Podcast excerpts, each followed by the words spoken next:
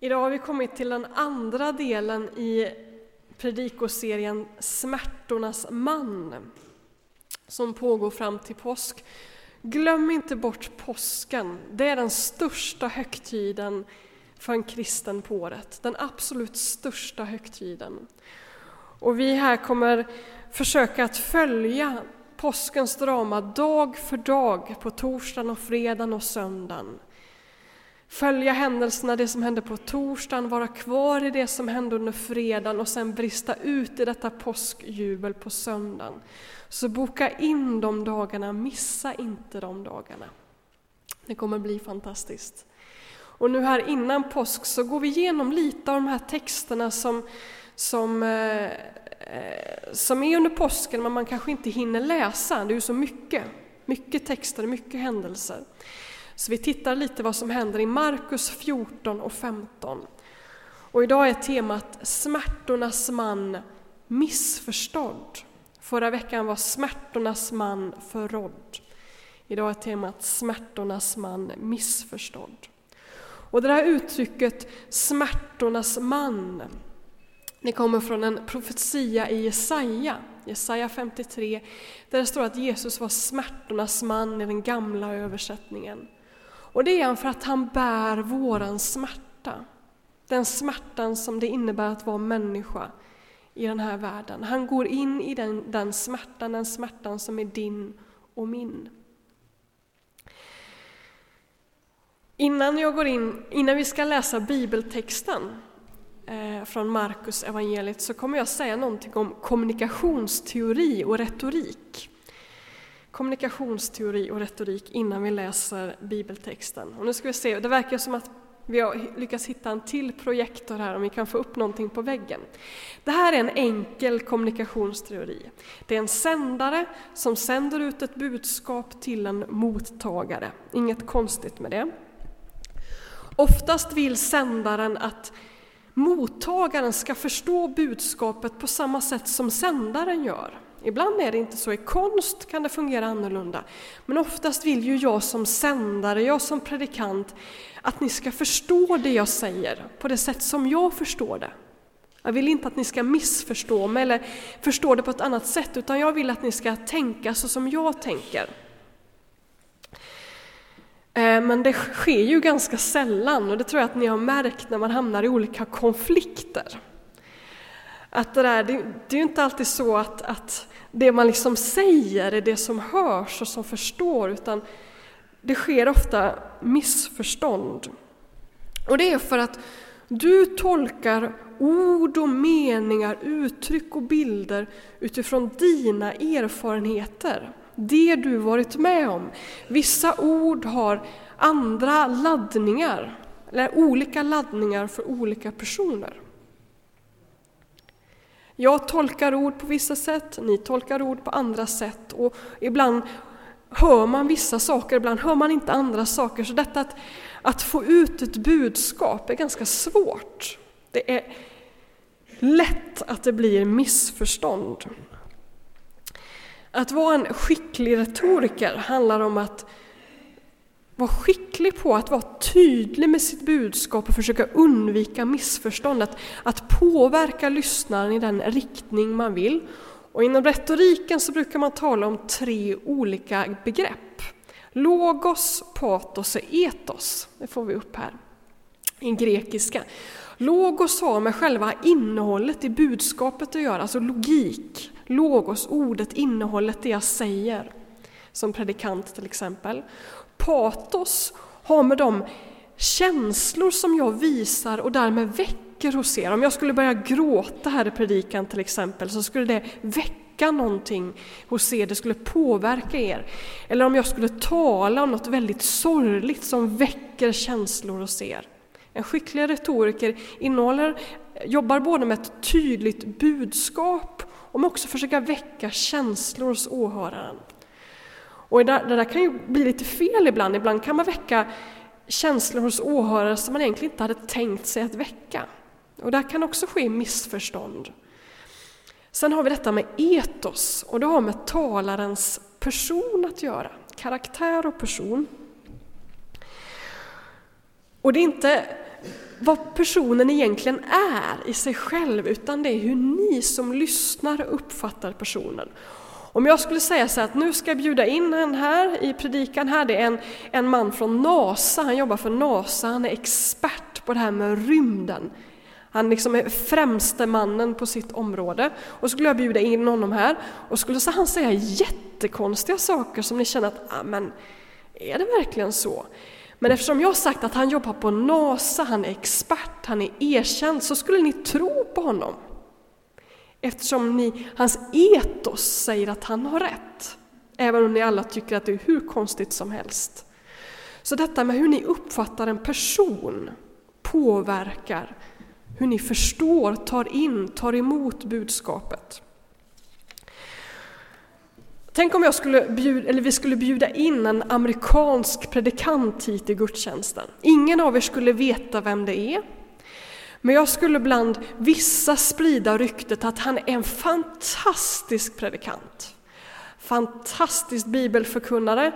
Eh, han är from, han är min största förebild i livet. Han ska komma och predika. Och så skulle jag bland vissa säga att ja, skulle jag sprida ryktet att ja, jag har hört att, att, att han, eh, han ligger i skilsmässa med sin fru. Det är något trassligt och det, det sägs att han har gått till prostituerade. Det är något skumt med den här mannen.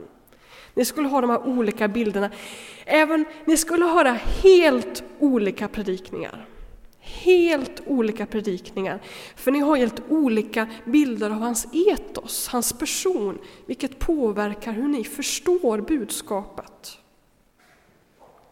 Så, så det här med etos är jätteviktigt, det här med retorik, och det forskas mycket på det, för man märker att det här är jättebetydelsefullt. En predikant, olika predikanter kan ha exakt samma manus, exakt samma manus, och ändå landar predikan så olika, för det handlar om vad ni har för uppfattning om personen som talar. Och det där vad har det där med, det här med missförstånd att göra? Jo, det kanske ni har märkt i vissa, vissa konflikter. Att det spelar ingen roll vad man än säger. Om det är så att den här personen jag är i konflikt med har en bild av mig, att jag är, är på ett visst sätt, så är det svårt att nå fram med ett budskap. Eller om jag till exempel säger att jag tror att Nisse någon person här i församlingen går runt och hatar mig, jag är helt övertygad om att han tycker illa om mig, så kommer jag tolka allt han säger genom det rastet, genom det filtret. Och det sker missförstånd, för jag är övertygad om någonting när det gäller den här personen. Så vad vi har för uppfattning av en person påverkar hur vi förstår budskapet. Är ni med? Då då lämnar vi detta och går in och läser bibeltexten från dagens predikan. Och den är från Markus 14 och jag har bett Theodor Lind att läsa den texten.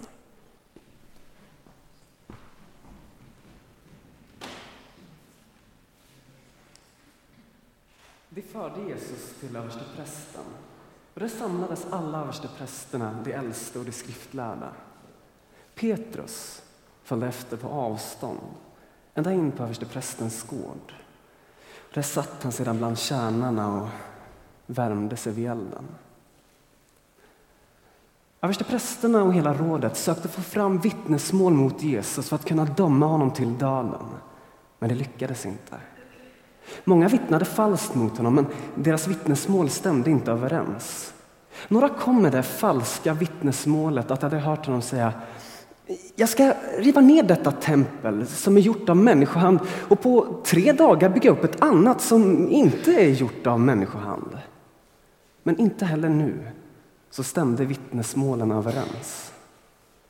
Då reste sig översteprästen från sin plats och frågade Jesus.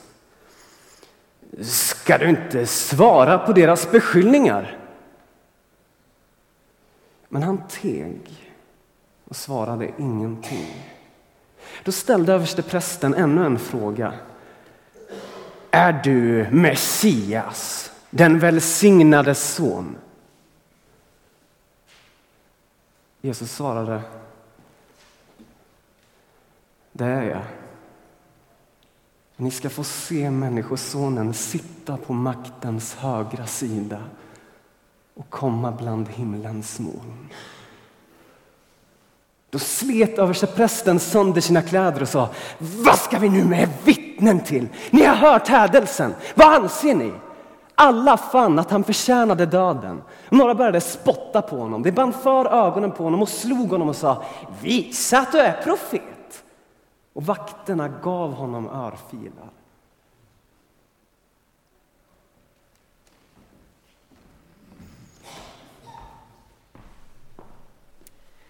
Fortsätter bibeltexten nästa söndag, men nu stannar vi kvar vid den här händelsen.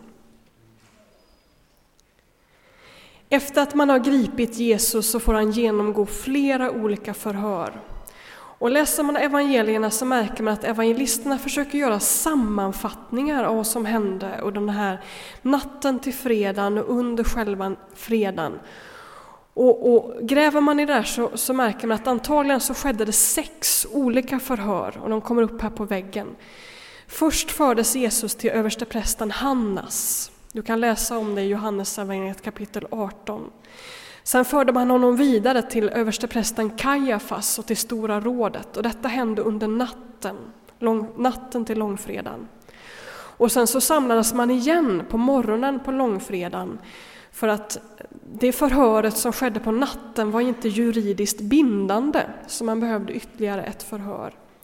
Och sen så förde man Jesus till Pilatus, sen till Herodes och sen till Pilatus igen.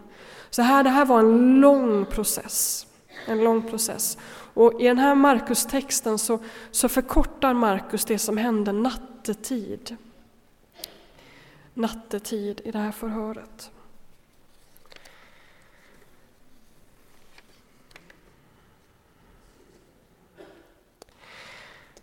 Och här blir inte bara Jesus missförstådd, utan han blir också falskt anklagad. Och efter en lång stund så reser sig översteprästen upp och skriker som, som, som Theodor gestaltade. Ska du inte svara på deras beskyllningar? Han blir så irriterad över att Jesus tiger. Att han inte svarar, att han står där tyst. Ska du inte svara? Och det här har jag funderat på. Hur ska jag som lärjunge till Jesus förhålla mig till det? Vi säger ju att vi ska göra som Jesus, vi ska leva Jesu liv. Här väljer Jesus att tiga när han får höra falska anklagelser, när han är med om det här stora missförståndet. Betyder det att jag ska tiga när jag blir falskt anklagad? Och jag Fredrik, när vi satt och pratade om, om det här temat, så, så, berättade han om en händelse när en katolsk präst hade stått vid utgången efter gudstjänsten och hälsat på folk och så kommer det fram en kvinna med ett barn och säger Ta det här barnet, det är ditt. Och prästen vet att det här är inte mitt barn. Man har hållit sitt celibatlöfte. Men han hör en röst som säger Säg ingenting, ta det här barnet. Och han lever med den här falska anklagelsen en lång tid innan sanningen kommer fram. Och jag och Fredrik talar om lite olika sådana historier när folk har varit tysta och burit sådana här anklagelser en lång tid och sett det som en del av sin efterföljelse. Att gå i Jesu fotspår, att leva med de här missförstånden. Frågan är, är det alltid så att man ska tiga som Jesu lärjunge? Är det alltid så att man bara ska svälja allting? Gå in under det oket? Nej, för läser man evangelierna så märker man att Jesus gång på gång tar striden. Gång på gång så, så säger han emot fariseerna, de skriftlärda. Han är arg, han tar konflikterna. Varför väljer Jesus då att den här gången var tyst. När han så många gånger tagit debatten, när han så många gånger kunnat komma med bibelord till försvar. Varför väljer Jesus att vara tyst? Jag låg och tänkte på det i veckan. Jag har legat med en, en förkylning och feber hela veckan, så idag är första dagen jag är på benen och jag vet inte riktigt om jag är frisk än. Men, men jag har legat och tänkt på det där och så kom jag att tänka på detta med kommunikationsteori. Det som jag berättade innan. Och ett ord som Jesus säger i Johannes evangeliet i kapitel 18. Och det är det första förhöret, förhöret hos översteprästen Hannas. Då säger Jesus så här, när de frågar honom, men vem, vem, ska du inte säga någonting? Då säger Jesus så här. Och jag vet att det syns lite dåligt, men vi har en annan reservprojektor här. Jesus sa, jag har talat öppet till världen, jag har alltid undervisat i synagogorna och i templet där alla judar samlas. Jag har inte sagt något i hemlighet. Varför frågar du mig? Fråga dem som har hört mig vad jag har förkunnat för dem. De vet ju vad jag har sagt. Jesus har sagt vad han behövt säga. Han har sagt allt redan. Han har ingenting mer att säga. Han vet att det hjälper inte att försvara sig. Rådet har redan dömt honom i förväg. De har redan dömt honom i förväg. De har redan fått en bild av hans etos, vem han är. De har redan bestämt sig, de har bilden klar framför sig, att han driver ut demoner med hjälp av Satan.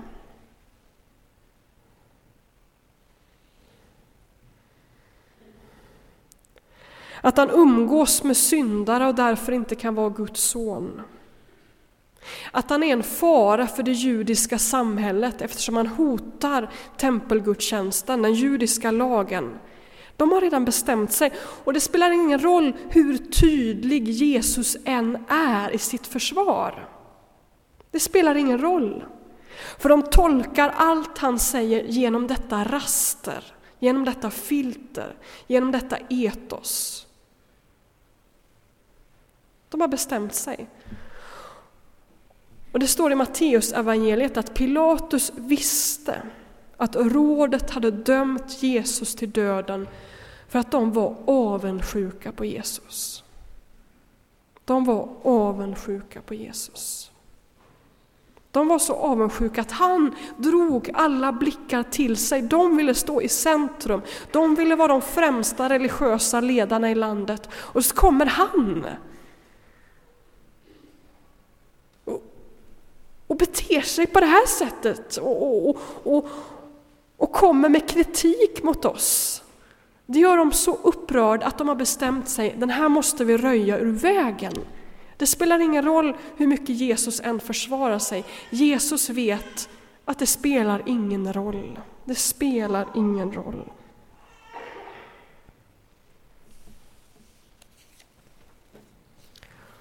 Och så står det så här som Theodor läste. Vers 61 i Markus 14. Men han teg och svarade ingenting. Då ställde översteprästen ännu en fråga. Är du Messias, den välsignade son? Och Jesus svarade, det är jag och ni ska få se Människosonen sitta på maktens högra sida och komma bland himlens moln. Och här citerar Jesus Daniels bok, vilket är en sån här tydlig Messias-text, där han säger Jag är Messias och ni kommer att få se det en dag. Och då blir de så ursinniga att de sliter sina kläder i stycken och börjar misshandla Jesus. Det här driver dem till vansinne. När Jesus säger sanningen, jag är Messias. Vilket jag har sagt hela tiden, vilket jag har bevisat genom alla dessa under och mirakel. Jag är Messias. Och så säger han, ni ska få se. Ni ska få se hur Gud reser mig upp från döden. Reser mig upp och sätter mig på sin härlighets sida. Jag kommer få sitta till höger om Faderns tron. Ni ska få se det. En dag ska ni få se hur jag strålar av härlighet. Jag behöver inte försvara mig med ord, för Fadern kommer uppresa mig. Upprätta mig, bevis att ni har fel. Och det där har tröstat mig många gånger när jag har funnits i olika konflikter, att jag behöver inte alltid försvara mig. När jag vet att det hjälper inte. Det hjälper inte. Till slut så kommer sanningen komma fram. Till slut kommer allting bli klart vid den yttersta domen. Jag behöver inte alltid försvara mig. Det är en tröst. Det är en tröst. Och det har burit mig många gånger.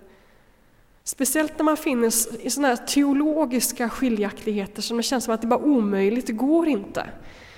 Eh, en sån fråga är ju det här med kvinnligt, kvinnliga pastorer och kvinnliga predikanter. Ibland, ah, vi får se, vid den yttersta domen. Att man behöver inte ta, nu skrattar ni, men jag är allvarlig. Jag är allvarlig de gångerna människor har liksom, ja men du kommer till helvetet. Ja, vi får se. Det är liksom ingen idé att ta diskussionen. Och det hjälper mig, det hjälper mig att förlåta min nästa. Det hjälper mig att förlåta min nästa. När jag vet att jag behöver inte försvara mig. Jag kan leva med detta.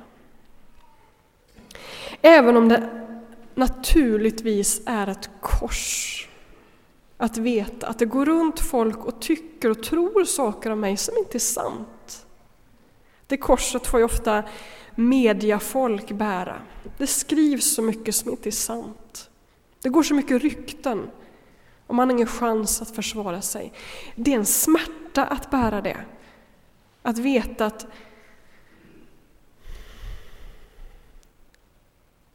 det är ett ok och det är en smärta.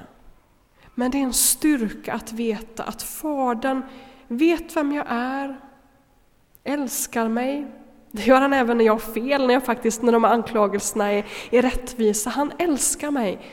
Han älskar mig, även när jag gör fel i konflikter och även när jag har rätt i konflikter.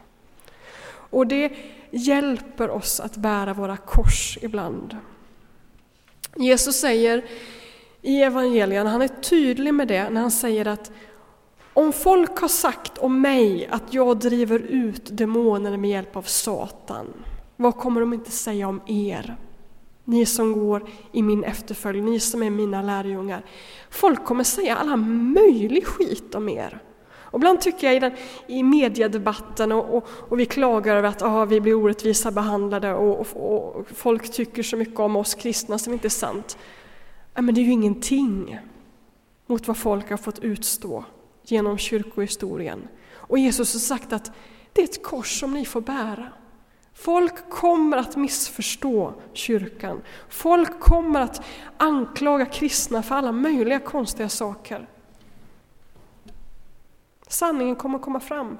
Hatar, om, om folk hatar kristna spelar det ingen roll, det går inte att försvara, vi får leva med det etoset. Men Gud kommer resa upp, Gud kommer bevisa vad sanning är. Till sist, eller glömde jag säga, Jesus säger faktiskt att vi kan jubla. När vi får utstå de här förföljelserna. För att lönen är så stor i himlen. Lönen är så stor i himlen. För den som bär det där korset som vågar vara tyst ibland när man får möta falska anklagelser. Och som sagt, det där är olika. Att man måste i varje situation tänka, vad skulle Jesus ha sagt? Och det är det sista, gjort, och det är det sista jag säger. Vad skulle Jesus ha gjort i den här situationen? Vissa av er här inne kanske behöver lära er att bli arg. Lära er att säga, nej, du har fel, det här är en lögn. Jesus kunde vara skarp i vissa lägen. Jesus kunde säga emot, Jesus kunde gå i en konflikt, han kunde bli arg. Och en del av er här kanske behöver lära er det. att faktiskt säga emot. Men en del av er kanske finns i situationer när man bara får, ah, jag lägger ner stridsyxan. Jag kan leva med att folk tänker både det ena och det andra med mig. Jag kan vara trygg i att Gud är mig nog. Jesu kärlek är mig nog och en dag kommer Fadern upprätta mig. Ibland handlar efterföljelsen om det. Du måste i ditt hjärta fråga, vad skulle Jesus ha gjort den i den här situationen? Och det kanske kommer ett ord. Eller du kanske bara kan konstatera att det här är kört, jag kan inte... Den här personen missförstår hela tiden vad jag säger, det är ingen idé. Jag väljer att tiga. Ska vi be en bön innan vi sjunger en sång? Jesus, vi tackar dig för att du är smärtornas man som bär vår smärta, som delar vår smärta. Och jag tackar dig för det oerhörda stora privilegiet att få gå tillsammans med dig. Att få gå och leva ett liv tillsammans med dig. Att dela korset med dig, att dela glädjen med dig, att dela segern med dig. Precis som vi får bära ditt kors ibland så kommer vi också få dela din seger. Och jag ber att du den här påsken skulle visa oss just detta. Att går vi genom skärtorsdagens förräderi, långfredagens smärta, så får vi också uppleva påskdagens glädje. Hjälp oss att verkligen följa dig i fotspåren nu fram till påskdagen, så att vi kan jubla en outsäglig glädje den dagen. Låt oss verkligen få fira påsken här församlingen. Visa oss ditt evangelium, vem du är, smärtornas man som också segrar. Var med oss fortsatt i den här gudstjänsten och hjälp oss att våga gå i dina fotspår. Amen.